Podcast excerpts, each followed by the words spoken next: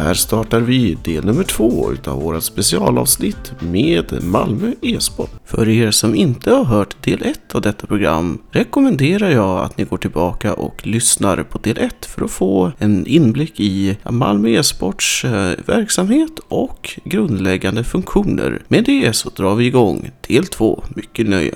Men det är så spännande för det är precis som att den här dynamiken mellan um, traditionella sporter och e-sporten hela tiden clashar lite. Det är så här, ja men vi har den här feta arenan, mm.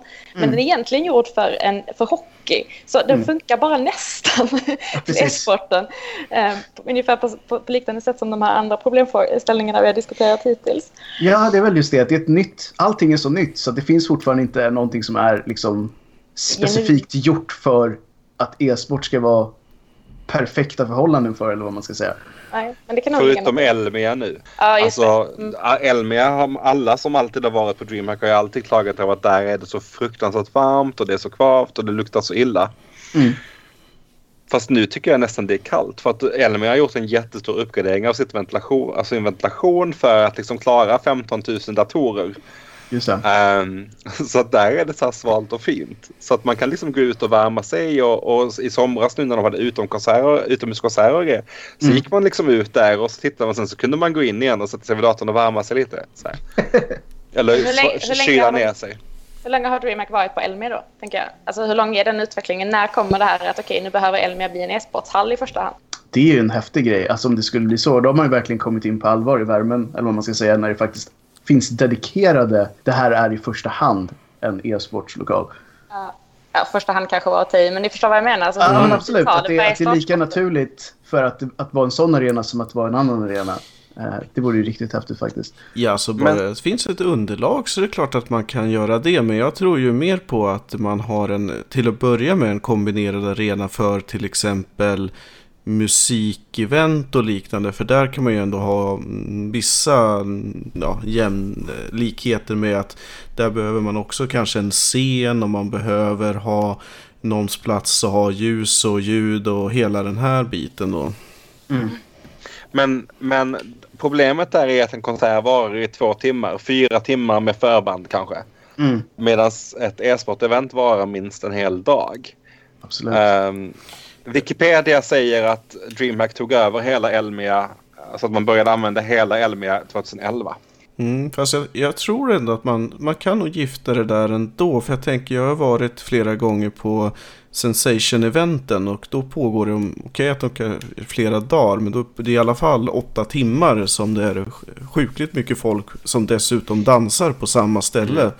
Så att eh, det, det går nog alldeles utmärkt, men det, det kommer väl bli precis som i alla andra sporter att eh, om man förväntar sig en stor publik så kommer man antagligen att få tillgång till en, den bästa eller en bättre arena.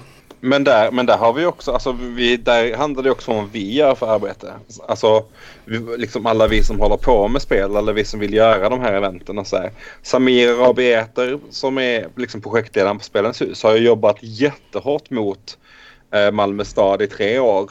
Och där man nu har kommit till en, liksom, en insikt att så här alla våra, varje gång vi bygger eller renoverar en gymnastikhall så ska den ha el och ventilation så att folk kan sova och så att man eventuellt kan göra LAN i dem. Liksom. Internet.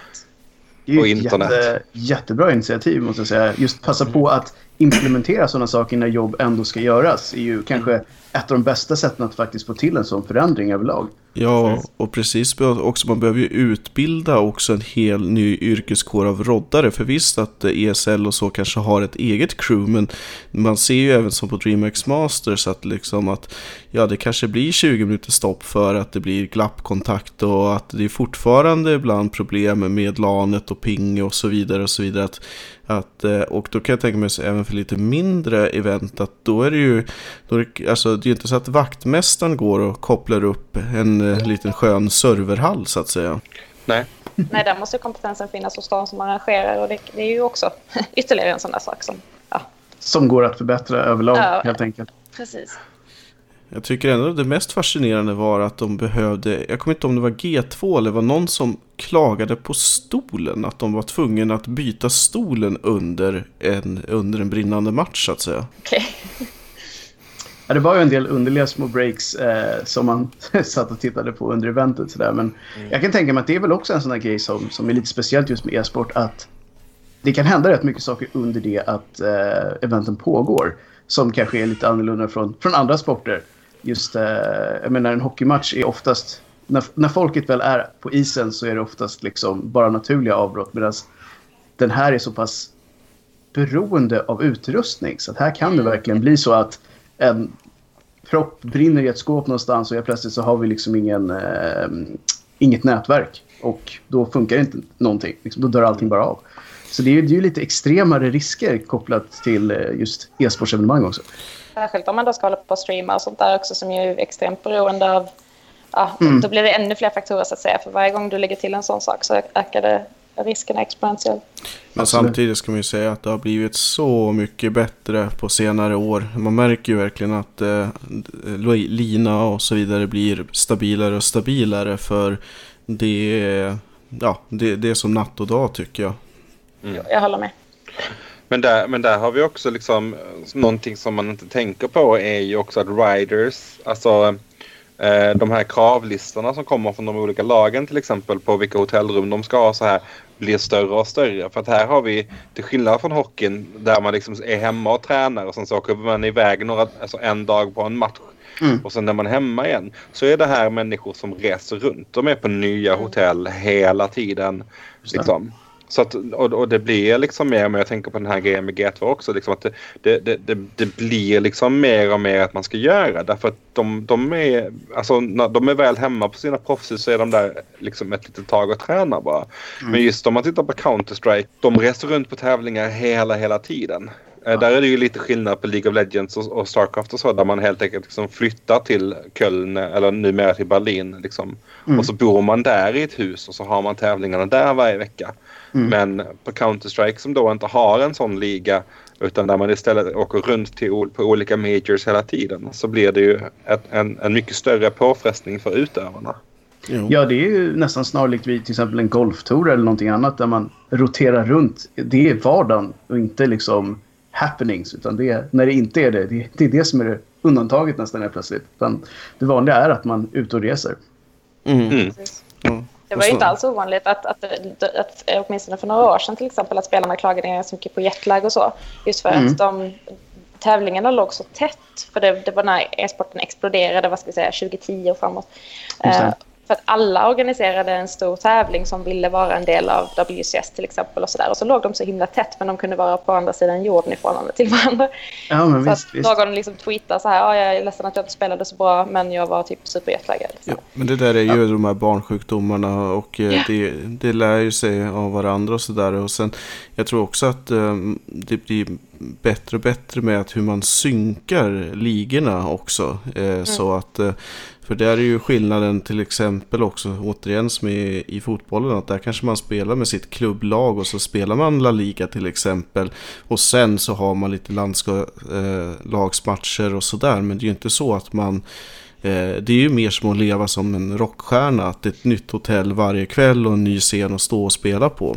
Och det, är ju, det är ju, måste ju vara oerhört tufft, särskilt som det är, det är kanske både tur och otur höll på att säga att det är så pass oftast unga spelare för man orkar det där livet lite bättre kanske än om man är 45 eller någonting i den stilen. Det ska bli jättespännande att se tycker jag om e-sportarna blir äldre och äldre med tiden. Mm innan de så att säga pensioneras. Det låter helt absurt när vi pratar om 24-åringar. Mm. Men för, eller hittills kanske man kan säga så har det varit ganska mycket så att det är liksom 25 någonstans och sen dalar det bara. Då är det liksom inte lönt att fortsätta. Men det skulle vara jättespännande att se om vi kan få hållbarhet också i, i våra idrottare. Mm. Ja, precis. Det är ju en väldigt spännande diskussion. Eller om det skulle kunna bli så som det finns i ganska många andra sporter att det finns ligor för vad ska man säga, senior utan att vara liksom nedvärderande men att man har ligor för de lite äldre som man naturligt liksom går över till.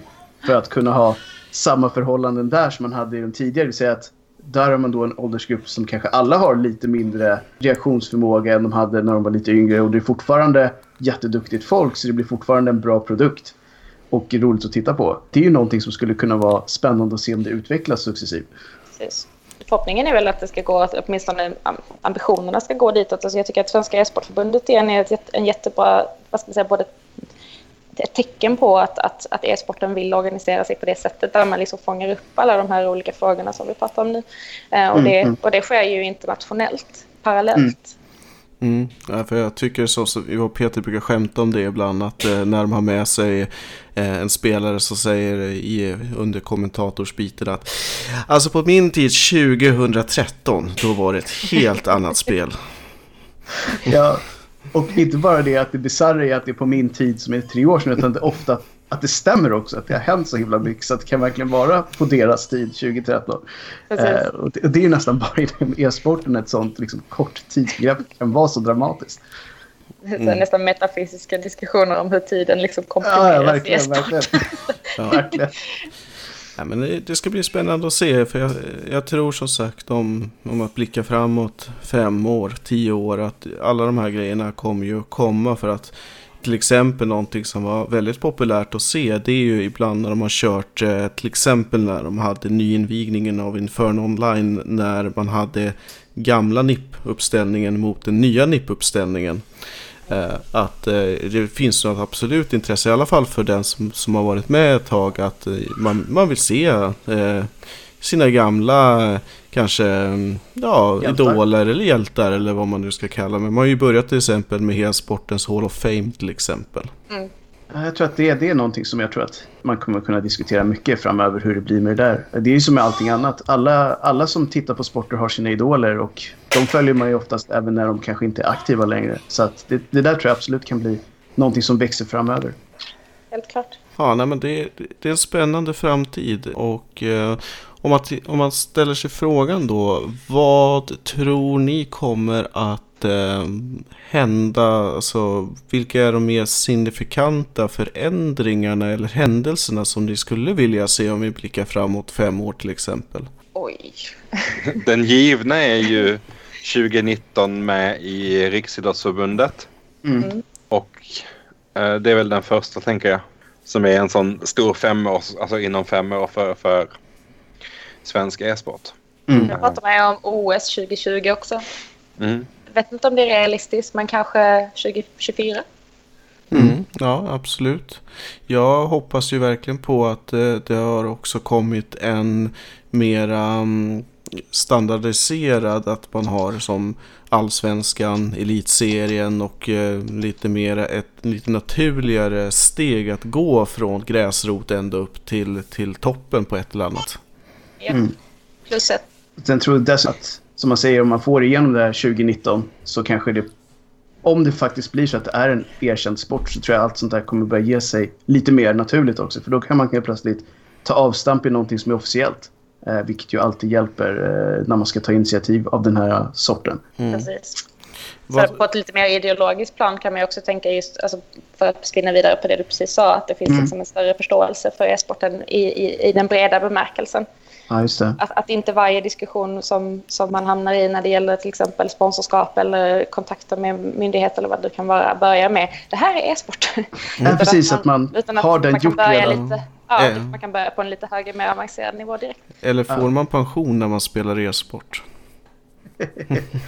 Har de kollektivavtal? Ja, precis.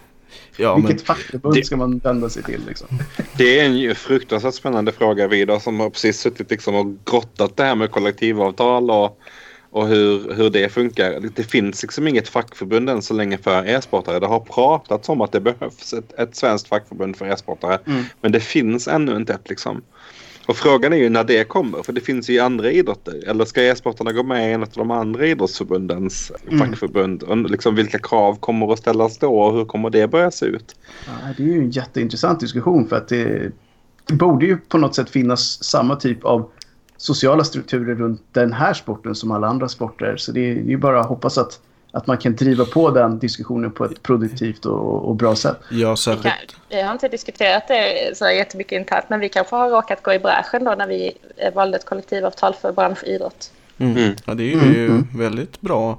För jag tänker att det finns ju fortfarande en väldigt, man hör ju ändå att det händer. Senast var det ju, jag kommer inte ihåg den här kinesiska klanen där det liksom helt plötsligt, nej men guys, det finns inga pengar, det blir inga löner och förresten de där prispengarna ni vann, de har vi bränt. Ja. Mm. Nej, men Det, precis. men det händer ju hela tiden och det är ju en sån grej som vi har suttit i möte med MFF om. Liksom. Mm. Att så här, när de har funderat på e-sport och hur e-sport funkar och varför så många fotbollsklubbar runt om i Europa ger sig in i e-sport så har vi också så här vi funderar på hur man gör med ungdomsproffs och hur säkerställer man att deras kontrakt blir bra och, och hur gör vi det? Vi är inte ännu där än. Men om man tittar på en femårsplan så tror jag att vi har nu engagerade ungdomar som är så pass bra att om fem år kommer de vara över 18 och det kommer att vara liksom en reell möjlighet för dem att, att bli signade som proffs. Just det. Mm. Så det är dags att ta den diskussionen nu innan man liksom konkret måste sätta sig ner och, och skriva på eventuella kontrakt om fem år. Så det är väl supertoppen att lägga en, en grund som inte bygger på att man gör en massa misstag där folk hamnar i kläm, tänker jag. Nej, absolut. Jätte, jättebra att börja den här diskussionen redan nu. Eller Mm. fem år, för fem år sedan kanske. Ja, precis. Ja, Det så- har varit bra för fem år sedan, men varför inte nu? Mm, precis. Men, men så många liksom kids som jag har mött som eh, på olika event runt om som är så här signade till ett lag som innebär att ett lag har deras rättigheter men de har fått ett headset. Mm. Ehm, och om de då sen lyckas så kan man göra en transfer för ganska Mm. mycket pengar. Liksom. Och det är mycket sådana grejer som jag också tänker på. så här hur, För det kommer ju bli en fråga för Malmö e-sport. Kanske mycket, mycket mer eh, än så här, hur signar vi våra egna kids till oss?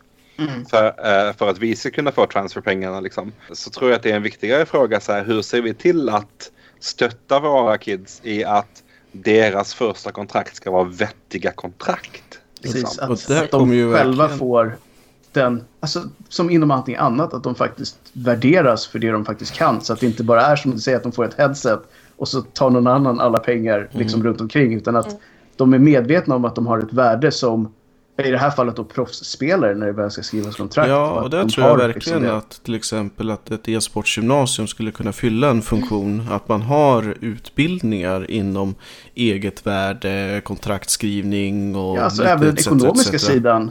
Ska ni hålla på med det här så är det på någon nivå så blir det business för inblandade parter. Och då måste ni veta hur ni ska se på er själva som partner i det här och ert eget värde. Det tror jag är jätteviktigt. Jag tänker att det också förhoppningsvis är, blir en utveckling i och med att vi faktiskt nu har e-sportintresserade människor som går på idrottsmanagerprogram och, och liknande. Liksom, att det kommer att bli en mycket mer naturlig ehm, samtal om det rätt så snart. Eh, men det skulle behövas, liksom, precis som att det håller på att byggas nätverk för folk som håller på med friskvård och e-sport. Mm. Så tror jag att vi också behöver ett nätverk med folk som är intresserade av e-sport och juridik till exempel. Ja. Ehm, för att kunna ta fram, för att så här, Malmö e-sport kommer aldrig att, eller nu, jag antar att Malmö e-sport aldrig kommer ha råd att anlita en proffsadvokat för att hjälpa oss att titta på det här. Liksom. Nej. Utan det kommer ju behöva vara någon som, Som kan tänka har det som intresse ha det också. som intresse. Mm. Jag tror att det är precis som du säger att eh, precis som att experter inom andra områden har gaming som ett sidointresse engagerar sig i det så är det förhoppningsvis så att det finns sådana inom det juridiska som har ett intresse av att hjälpa till med sådana frågor också och då får man den synergieffekten. Mm. Mm. Och det är det som är så sorgligt för att det finns redan fast Riksidrottsförbundet ville bordlägga istället för att säga ja. Ja, precis. Så då är vi tillbaka där att eh, 2019, låt det hända tack. Ja. Ja, jag tror också att, att 2019 så är det så himla viktigt att vi har ett ännu starkare mediadrev Mm, på att nu är det dags än vad vi hade i år. För att 2019, så må, alltså, när den här utredningen från Riksidrottsförbundet kommer om hur, liksom, hur idrottsbegreppet ska se ut så måste vi vara vakna. Vi Mm. måste lobba, vi måste prata om det här. Vi måste få ut ungas röster som pratar om hur de tränar och hur det är en fysisk idrott för Mm. dem. Alltså vi måste liksom verkligen göra och vi måste även när vi då närmar oss riksidrottsmötet ha idrottsrörelsen med oss. Vi hade delar av idrottsrörelsen med oss i år Mm. men det blev ingen kamp om det för att det behövdes göra en revidering av hur medlemskap i Riksidrottsförbundet ser ut. Så därför var det ganska enkelt att säga så här. Vi bordlägger alla tills vi har sett över idrottsbegreppet och hur den här medlemskapet går till. Ja, det är ju svårt att ta en kamp när man inte har fått ett nej heller, eller på utan Nu var det som du säger mer att eh, vi får titta lite mer på det här och då kan man inte stå där med sin skylt och säga gud, det här är skamligt. Utan det är mer så här att ja, ja, visst, nu tittar ni lite mer på det här, men när det väl ska avgöras, då, då är vi ja. tillbaka. Det kan, ni, det kan ni räkna med. Ja, precis. Sen tror jag också att Heaton måste ställa upp i Let's Dance också samma år. ja, precis. Han får ställa upp i allting som ger lite medieutrymme för, för e-sport och pressa på den här frågan så att folk känner trycket. Mångfald också i mediedrevet. Ja, ja jag tänker på, på Madeleine Leander. Jag tänker på eh, Amada. Alltså, Amada är bäst i världen på Super Smash Bros. Melee. Mm. Göteborgare. Mm. Um, vi har rätt så många människor. Ivan Lapagne som är, är Fifa-spelaren från Borås. Mm. Också på världsnivå. Alltså vi har väldigt mycket e-sport på ja, världsnivå. Ostkaka, Orange. Ja. Men det är bara alltså, hit som syns. Ja, och det är väl kanske förhoppningsvis får man då säga att det kanske är den första av många. Eh, mm. Man skulle ju kunna sätta ihop ett jättehäftigt liksom, collage av väldigt duktigt folk från många olika spel mm. och av båda könen som skulle kunna visa att vi finns där ute och, och, det här är väldigt viktigt för oss och många fler. Men det tycker jag ändå att de gör ett hyfsat bra jobb nu med Metro e-sport. Att uh, man ändå liksom, det är inte bara CSGO, det är inte bara League utan att man ändå försöker plocka in Hearthstone och så vidare och så vidare och så vidare. Att det blir lite mm. bredare. Samma sak med den här e-sport-tv-kanalen. Jag träffar eh, pensionärer som säger jag, jag har börjat titta på den här e-sportkanalen på tv. Det är jättespännande. Mm. Alltså... Ja, det är fantastiskt. Och det är så man vill att det ska vara. I alla fall känner jag så själv att jag vill ju kunna prata med vem som helst om det här som, som vad som helst. Att säga, såg du den där matchen igår? Att det lika gärna skulle kunna vara en e-sportsmatch som en fotbollsmatch. Liksom. Ja, men så, det är superbra samtalsämne på jobbfikan på förmiddagen. Liksom, istället för att man säger, ja men såg ni MFFs match igår på tv? Så kan man Exakt, bara, det är lite drömmen. Just att kunna köra det. Jag har sett att det kommer en ny liten kategori av människor också. Det är ju folk som eh, tycker att betting är kul som helt plötsligt också, fast de ser ju från kanske fel synvinkel. De ser att nu kommer en ny typ av sport där, där vi kan få bra odds och om vi sätter in oss själva i det hela så eh, kan vi få en ekonomisk uppsida på det. Så att, ja. Men det är ju, betting är ju och kommer säkert förbli en väldigt stor del av e-sporten. Ja, eller sport överhuvudtaget antar jag. Eh, mm. Så att det är väl bara ett område till de kan applicera sina sina bettingvanor på helt enkelt. Jag tänker väl snarare att det, det stora problemet där är den e-sport unika bettingen. Som Counter-Strike betting i skins och, och så här. Nice. För att de mm. företagen eh, berörs inte av, av liksom spellagarna som liksom gamblingrörelsen gör. Eh, och de har inte samma kontroll och, och de är skumma. Det ser vi på Youtube-skandalen för, förra året. Liksom, ja, där Youtubare hade promotat sitt eget företag med uppgjorda matcher. Och, och liksom, det, är, det är ju en röra som vi ser där det finns en konkret risk att liksom, unga människor eh, utsätts för ett, ett gambling som kan, som kan vara skadligt. Liksom. Ja, absolut. Det är ja. ju någonting som man verkligen måste på eh, jobba mot. Men där tycker jag också att Eh, även eh, speltillverkarna har ett visst ansvar att man kanske inte ska uppmuntra till den här typen av aktiviteter heller kanske. Jag tror att det just med tanke på att det är unga människor som vi har nämnt så, så blir det lite extra känsligt för att eh, man brukar ändå säga att, att vuxna personer får väl ta sitt eget ansvar hur de fördelar sina pengar men, men unga och lättpåverkande människor är alltid, det är alltid farligare att liksom, eh, börja i en tidig ålder att pusha på häftiga skins som man kan köpa för små summor här och där. Liksom. Sen tycker jag att det är intressant också hur tittar man på det här med att egentligen som ta CS som har en åldersrating eh, som är betydligt egentligen högre än att eh, hur ska man säga, de pratar om elitsatsning och så, att du borde behöva börja spela tidigare än vad du egentligen får för att, ja, av våldsamt innehåll och sådana saker. Jag och Peter var inne lite på att man kanske skulle ha en eh, censurerad eller en barnvänligare version utav CS, men eh, precis på samma sätt för att kunna få in eh, den yngre publiken utan att det ska bli hela den här moralskandal eh, effekten som det gärna blir så fort man pratar spel så finns ju fortfarande den här våldsdebatten med ganska så kraftigt. Fast, fast där handlar det om hur vi, hur vi hanterar frågan. Mm. De delarna som är anledningen till att PG har gett um, Counter-Strike en, en 18-årsgräns tävlas det inte i. De delarna, om man tittar på väldigt mycket spel som sker online så får de per automatik en åldersgräns som är, jag tror det är 12 i Europa. Mm. För att de är online. Um, och där, där, där har vi ju liksom ett problematik som vi tror finns men som vetenskapen hela tiden bevisar att det inte finns. I alla fall i de seriösa studierna. Mm. Och sen så handlar det också om hur vi pratar. På, på våra CS-träningar, de yngsta vi har där är typ är, är två bröder som är 8 och 10 år gamla. Men mm. de kommer från en CS-familj där hela familjen, mamma och pappa träffades genom CS. Och de spelar CS hemma. De har ett svart får i familjen som spelar fotboll. Alla andra i familjen spelar CS. Alltså och, och, då är det så här, antingen så tar vi de här kidsen som redan spelar CS fast gör det hemma utan någon slags kontroll och utan någon som kan mm. prata med dem och kontextualisera liksom vad det är som händer och, och hur man pratar om det som händer i liksom knappklickandet de gör. Mm. Eller så tar vi in dem så att de får en, en tränare och någon som hjälper dem att, att bli bättre på det här. Det. Men också att det faktiskt är så. Ungarna tittar på det som att så här jag spelar det här spelet, jag klickar på de här knapparna. Varför har vi bara diskussionen om våld i spel men inte diskussionen om att unga får gå på jiu-jitsu, unga får gå på kickboxning, mm. unga får gå på boxning. Ja, det är väl lite som vi var inne på tidigare, det är väl de här gamla eh, mönstren som kommer igen ja, om vad som är farligt och vad som inte är farligt som egentligen baseras på väldigt konstiga saker överlag många gånger. Men jag tror att, det, det. där det händer saker så vill man ofta ha en förklaring. Till exempel som eh, den här hemska incidenten med eh, den här eleven som eh, slog ihjäl tre personer här för, vad är det, är det ett, två år sedan, ett år sedan. Mm, eh, att eh, då försökte man koppla till att ja men han lyssnade på Rammstein. Och alla som mm. lyssnar på Rammstein, de blir totala psykopater som vill slå ihjäl andra människor och sådär.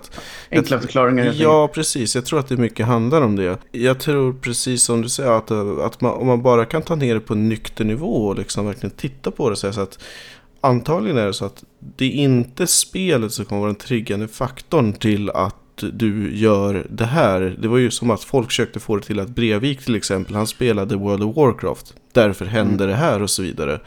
Man måste, man måste normalisera eller... det finns inga enkla förklaringar heller. Det är väl också en sanning man måste se i vitögat någon gång. Att man kan inte bara säga att allt det här händer för alla de som spelar de här spelen. Utan det är, det, det är individuella fall som allting annat. Ja, och sen så tänker jag att det handlar igenom den här okunskapen. Alltså som vi pratade om mm. med e-sport, mm. det här att man vill kunna prata på en mer avancerad nivå med, med, med fler människor. För att även spelen har ju så att säga en design som som är mycket mer alltså som är en struktur och som, är, som handlar om mönster och som handlar om förståelse för olika system som finns mm. inne i spelet. Och det som, det som de här personerna som kanske har lite svårare att ta till sig vad det så kallade våldet i de här spelen faktiskt är. De, mm. de har ju bara den estetiska ytan. Det finns liksom en, en, en, en, vad ska man säga, det första lagret av design, skins, maps och så vidare som skapar, ger ett visst intryck.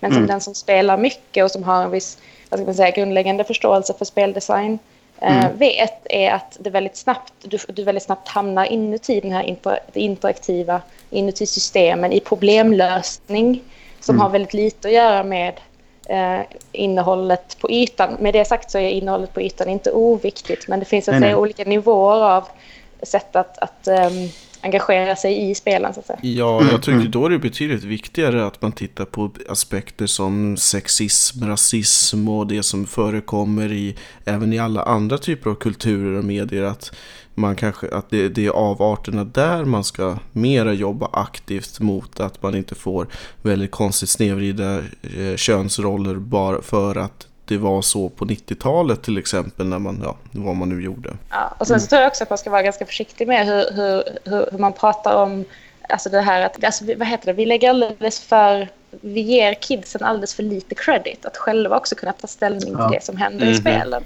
Alltså att, att, bara för att vi tittar på en film, och det här är det klassiska argumentet som innehåller våld, så betyder det inte att man som någon sorts zombie bara går ut och, och kopierar det beteendet, utan det är mycket, mycket mer komplext än så. Och det mm. gäller ju även spelen.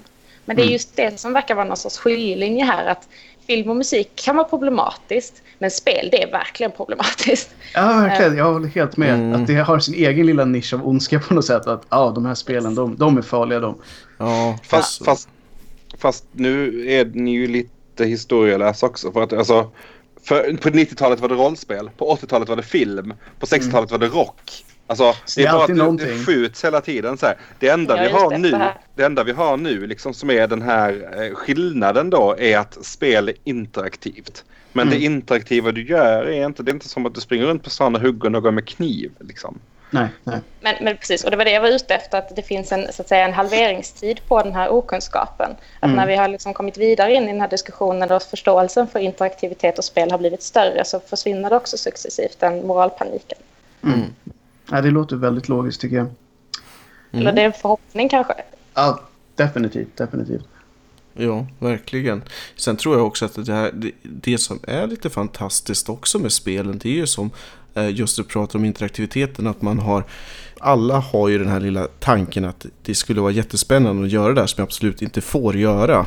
Och om man då kan få liksom ett utlopp av att spela till exempel Grand Theft Auto eller någonting i den stilen.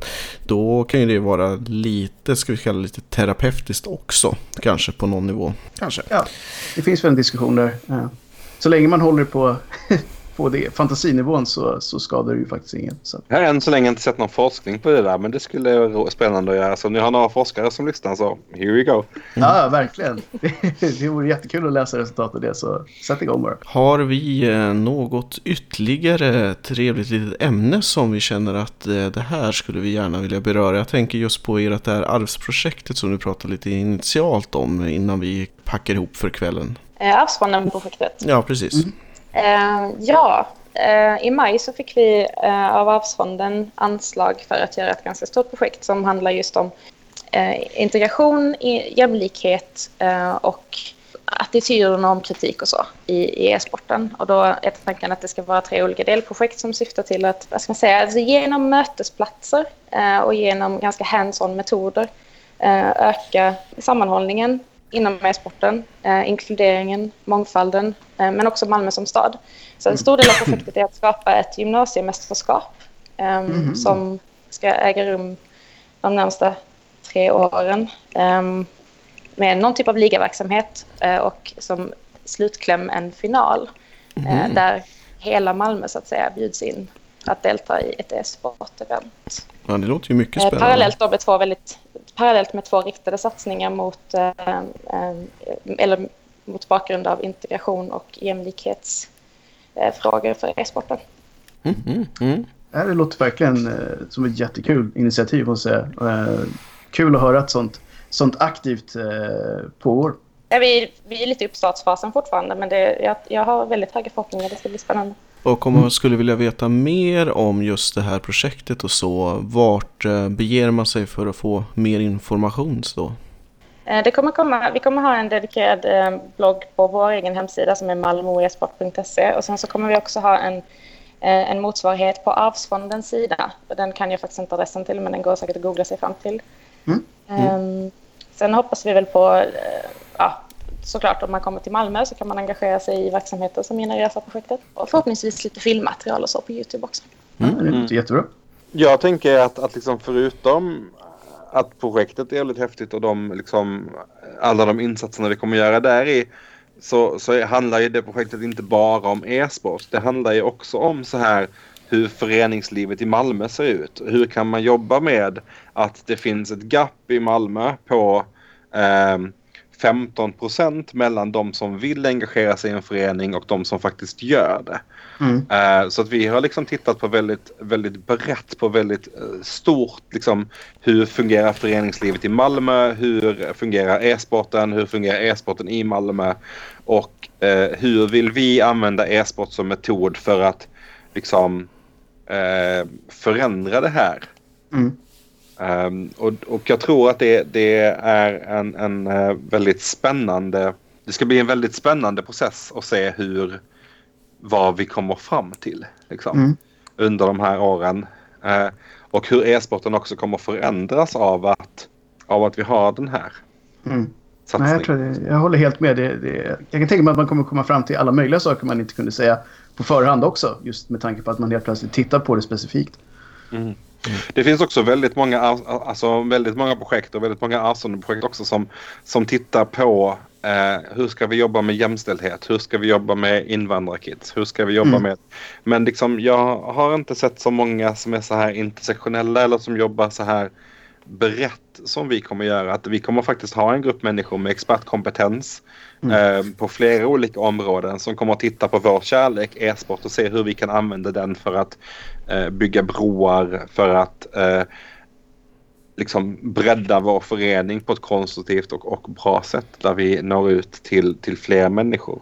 För mm. att allt det som jag och Ylva har pratat om i, i, i det här programmet som vi mm. vill göra med e-sporten och, och liksom Eh, där vi vill liksom öka legitimiteten, där vi vill att folk ska tänka på hur de tränar och sitter och äter och, och för att de ska kunna bli proffs i framtiden. Allt det kan vi inte lära kidsen om vi inte träffar kidsen. Mm. Absolut. Och det är en grundförutsättning. Liksom. Så är det verkligen. Sen så tänkte jag också på det här att eh, vad har ni för tips eh, till eh, människor då som vill starta upp en egen förening och komma igång med eh, föreningsverksamheten överlag? Jag tänker att, att bra saker man kan göra är att kontakta eh, Svenska e-sportförbundet och att kontakta Sver och beroende på om man liksom vill börja med det här att göra LAN eller om man vill börja med just e-sportsatsning. Man kan alltid höra av sig till Malmö e-sport och så kan vi komma med tips om hur man gör och hur vi startade. Eh, och att man också tidigt börjar titta på eh, hur ser det ut i Ängelholm med vilka hur, liksom, hur ger Ängelholm sina bidrag till föreningar så att man har med sig det i processen. Men det finns ju folk på, på både på Sver och, eh, och på Svenska e-sportförbundet som kan de här sakerna som hjälper till med det. Liksom. Det låter ju mycket spännande. Eh, jag kan också tänka mig att eh, det kan ju vara så att om man eh, bedriver, redan bedriver en förening fast till exempel i Stockholm att man gärna får höra av sig om man vill ha lite tips eller utbyta lite kunskap eller någonting i den stilen. Ja absolut, jag tänker också precis när det kommer till de här frågorna med liksom eh, idrott och hur går man med i, i eh, Svenska e-sportförbundet och alltså har man frågor om det eller har man frågor om hur man främjar idrott eller vill ha liksom, det som är vår specialistkompetens och det som vi har pratat om här ikväll så går det ju alltid att nå eh, mig och Ylva genom att mejla info.malmoesport.se. Liksom. Jättebra. Ja, nej, men det ska vi absolut eh, trycka lite extra på. Så hoppas vi på förstås alla här att eh, e-sporten fortsätter att växa och att det förblir en fantastisk sport precis så som vi vill ha den då helt enkelt. Ja, och gärna folklig och på gräsrotsnivå så att så många som möjligt kan få vara en del av den. Så att, eh, jag tycker det är jättekul att höra att ni, ni gärna hjälper eh, till att sprida kunskap för andra som vill starta föreningar. Det tycker jag det är jätte, jättekul att höra att ni gör sånt. Då tycker jag att vi eh, Eh, tackar på eh, Ylva och Chris för den här uh, fantastiska dialogen som vi haft här ikväll. Och eh, blickar framåt mot eh, nästa program. Så ja, med, med det så säger jag tack och eh, godnatt för ikväll och eh, på återhörande. Mm. Tack. Tack för Tack, hej. tack. hej. hej. I nästa vecka fortsätter vi med våran Topp 100 spel någonsin. På återhörande, tack och hej.